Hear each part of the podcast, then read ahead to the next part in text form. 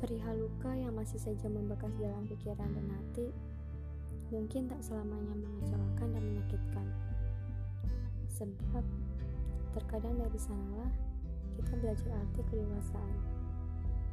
Dan, untuk perihal waktu yang tak akan pernah kembali, izinkan aku kali ini untuk rengkuh kebahagiaan. Sebab, ada angan yang harus digenggam. Walaupun banyak para petuah yang terngiang, yang kerap menyisakan hati yang rapuh.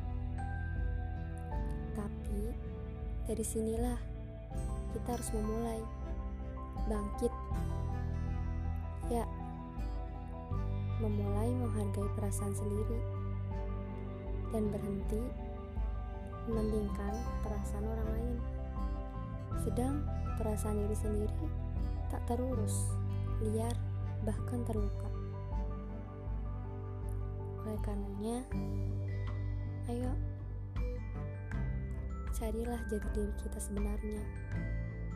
Sebab di luar sana banyak ribuan yang berlomba-lomba dalam kebaikan. Apalagi di bulan yang penuh berkah ini. Masya Allah deh, berlipat ganda pahalanya. Selamat berjuang.